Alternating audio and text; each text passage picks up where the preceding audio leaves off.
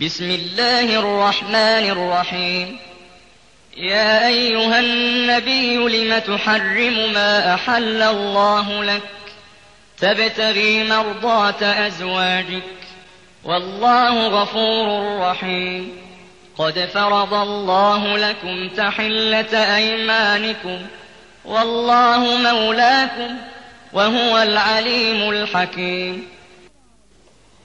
అనంత కరుణామయుడు అపార కృపాశీలుడు అయిన అల్లాహ్ పేరుతో ప్రారంభిస్తున్నాను ఓ ప్రవక్త అల్లా నీ కొరకు ధర్మసమ్మతం చేసిన దానిని నీవు ఎందుకు నిషేధించుకుంటున్నావు ఈ విధంగా నీవు నీ భార్యల సంతోషాన్ని పొందగోరుతున్నావా అల్లాహ్ క్షమించేవాడు కరుణించేవాడును అల్లాహ్ నీ కొరకు నీ ప్రమాణాల పాటింపు నుండి బయటపడే పద్ధతిని నిర్ణయించాడు అల్లాహ్ మీ యజమాని ఆయనే అన్నీ తెలిసినవాడు వివేచనాపరుడును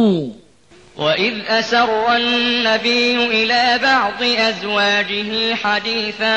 فلما نبأت به وأظهره الله عليه فلما نبأت به وأظهره الله عليه عرف بعضه وأعرض عن بعض فلما نبأها به قالت من أنبأك هذا قال نبأني العليم الخبير ఈ క్రింది వ్యవహారం కూడా గమనించదగిందే ప్రవక్త ఒక విషయాన్ని తన భార్యలలో ఒక ఆమెకు రహస్యంగా చెప్పాడు తరువాత ఆమె మరొకరికి ఆ రహస్యాన్ని వెల్లడించింది ప్రవక్తకు అల్లాహ్ ఆ విషయాన్ని తెలియజేశాడు అప్పుడు ప్రవక్త ఆ విషయాన్ని కొంత ఆమెకు తెలియజేసి కొంత తెలియజేయలేదు ఆ తరువాత ప్రవక్త ఆమెతో రహస్యం బయటపడిన ఈ సంగతి ప్రస్తావించినప్పుడు ఆమె మీకీ విషయాన్ని ఎవరు తెలియజేశారు అని అడిగింది అప్పుడు ప్రవక్త నాకీ విషయాన్ని అన్నీ తెలిసినవాడు బాగా ఎరిగినవాడు తెలియజేశాడు అని చెప్పారు ఏ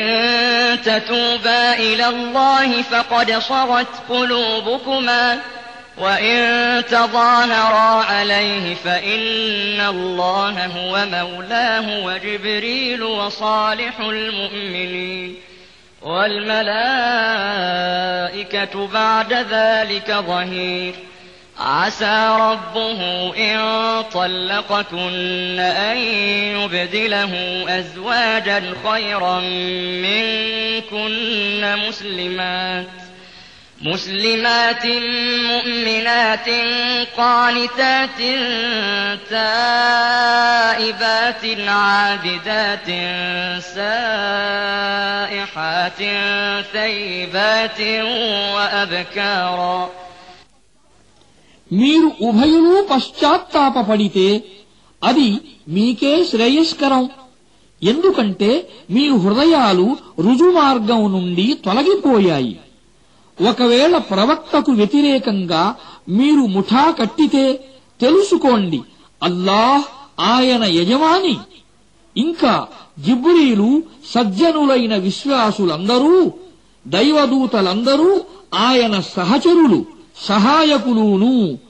ఒకవేళ మీ అందరికీ ప్రవక్త విడాకులిస్తే అల్లాహ్ మీకు బదులుగా ఆయనకు మీకంటే మంచి భార్యలను ప్రసాదిస్తాడు వారు నిజమైన ముస్లిములుగా విశ్వాసం కలవారుగా విధేయత చూపేవారుగా పశ్చాత్తాప పడేవారుగా ఆరాధన చేసేవారుగా ఉపవాసాన్ని పాటించేవారుగా ఉంటారు వారు భర్తృవిహీనులైనా లేదా కన్యలైనా కావచ్చు يا أيها الذين قوا أنفسكم وأهليكم نارا وقودها الناس والحجارة وقودها الناس والحجارة عليها ملائكة غلاظ شداد لا يعصون الله ما أمرهم لا يعصون الله ما أمرهم ويفعلون ما يؤمرون يا أيها الذين كفروا لا تعتذروا اليوم إنما تجزون ما كنتم تعملون విశ్వాసులారా మీరు మిమ్మల్ని మీ కుటుంబ సభ్యులను మానవులు రాళ్లు ఇంధనం కాబోయే అగ్ని నుండి కాపాడుకోండి దానిపై ఎంతో బలిష్ఠులు అత్యంత కఠినులు అయిన దైవదూతలు నియమించబడి ఉంటారు వారు ఎన్నటికీ అల్లా ఆజ్ఞను ఉల్లంఘించరు వారు తమకు ఏ ఆజ్ఞ ఇచ్చినా దానిని పాటిస్తారు అప్పుడు ఇలా అనటం జరుగుతుంది అవిశ్వాసులారా ఈనాడు సాకులు చెప్పకండి మీరు చేస్తూ ఉండిన చేతలకు తగినట్టుగానే మీకు ప్రతిఫలం ఇవ్వబడుతుంది يا أيها الذين آمنوا توبوا إلى الله توبة نصوحا توبوا إلى الله توبة نصوحا عسى ربكم أن يكفر عنكم سيئاتكم ويدخلكم ويدخلكم ويدخلكم جنات تجري من تحتها الأنهار يوم لا يخزي الله النبي يوم لا يخزي الله النبي والذين آمنوا معه نورهم يسعى بين أيديهم وبأيمانهم يقولون ربنا أتمم لنا نورنا واغفر لنا إنك على كل شيء قدير విశ్వాసులారా చిత్తశుద్ధితో కూడిన పశ్చాత్తాపంతో అల్లా వైపునకు మరలండి అప్పుడు అల్లాహ్ మీ చెడులను మీ నుండి దూరం చేసి మిమ్మల్ని సెలయేళ్లు ప్రవహించే స్వర్గవనాలలో ప్రవేశింపజేయవచ్చు అల్లాహ్ తన ప్రవక్తలను ఆయనతో పాటు విశ్వసించిన వారిని అవమానం పాలు చేయని రోజు అదే వారి కాంతి వారికి అగ్రభాగంలో వారికి కుడివైపుగా పరుగెత్తుతూ ఉంటుంది అప్పుడు వారు ఇలా అంటారు ప్రభు మా కాంతిని మా కొరకు పరిపూర్ణం చెయ్యి మమ్మల్ని మన్నించు నీవు ప్రతిదానిపై అధికారం కలవాడవు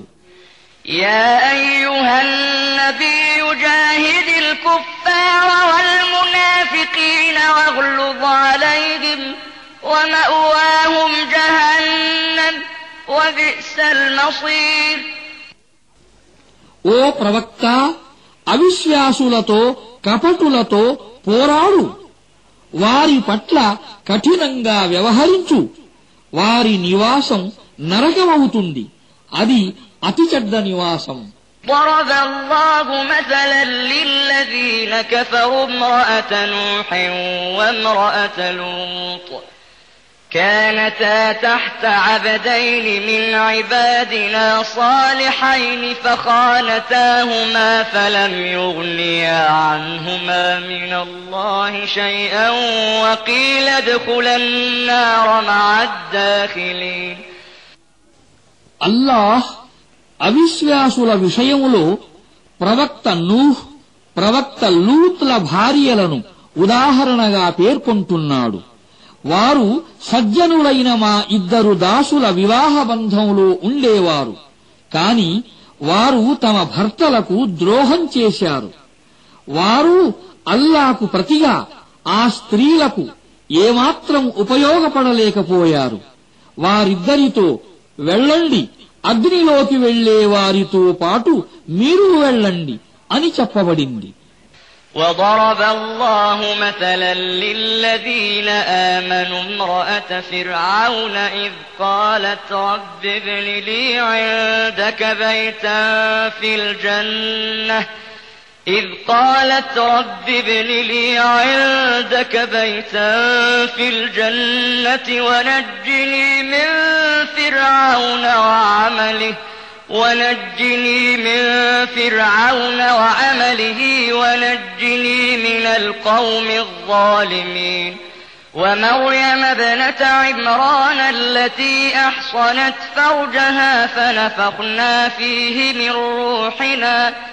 فنفخنا فيه من روحنا وصدقت بكلمات ربها وكتبه وصدقت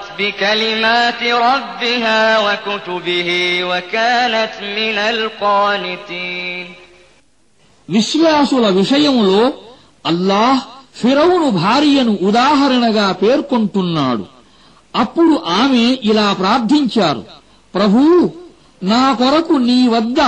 స్వర్గంలో ఒక గృహాన్ని నిర్మించు నన్ను ఫిరౌను నుండి అతని చేష్టల నుండి కాపాడు దుర్మార్గపు జాతి నుండి నాకు విముక్తి కలిగించు ఇంకా ఇమ్రాను కుమార్తె మరియమును కూడా ఉదాహరణగా పేర్కొంటున్నాడు ఆమె తన మానాన్ని కాపాడుకున్నారు ఆ తరువాత మేము ఆమెలోకి మా తరఫు నుండి ఆత్మను ఊదాము ఆమె తన ప్రభువు సూక్తులను ఆయన గ్రంథాలను ధృవపరిచారు ఆమె వినయ విధేయతలు గల వారిలో ఒకరు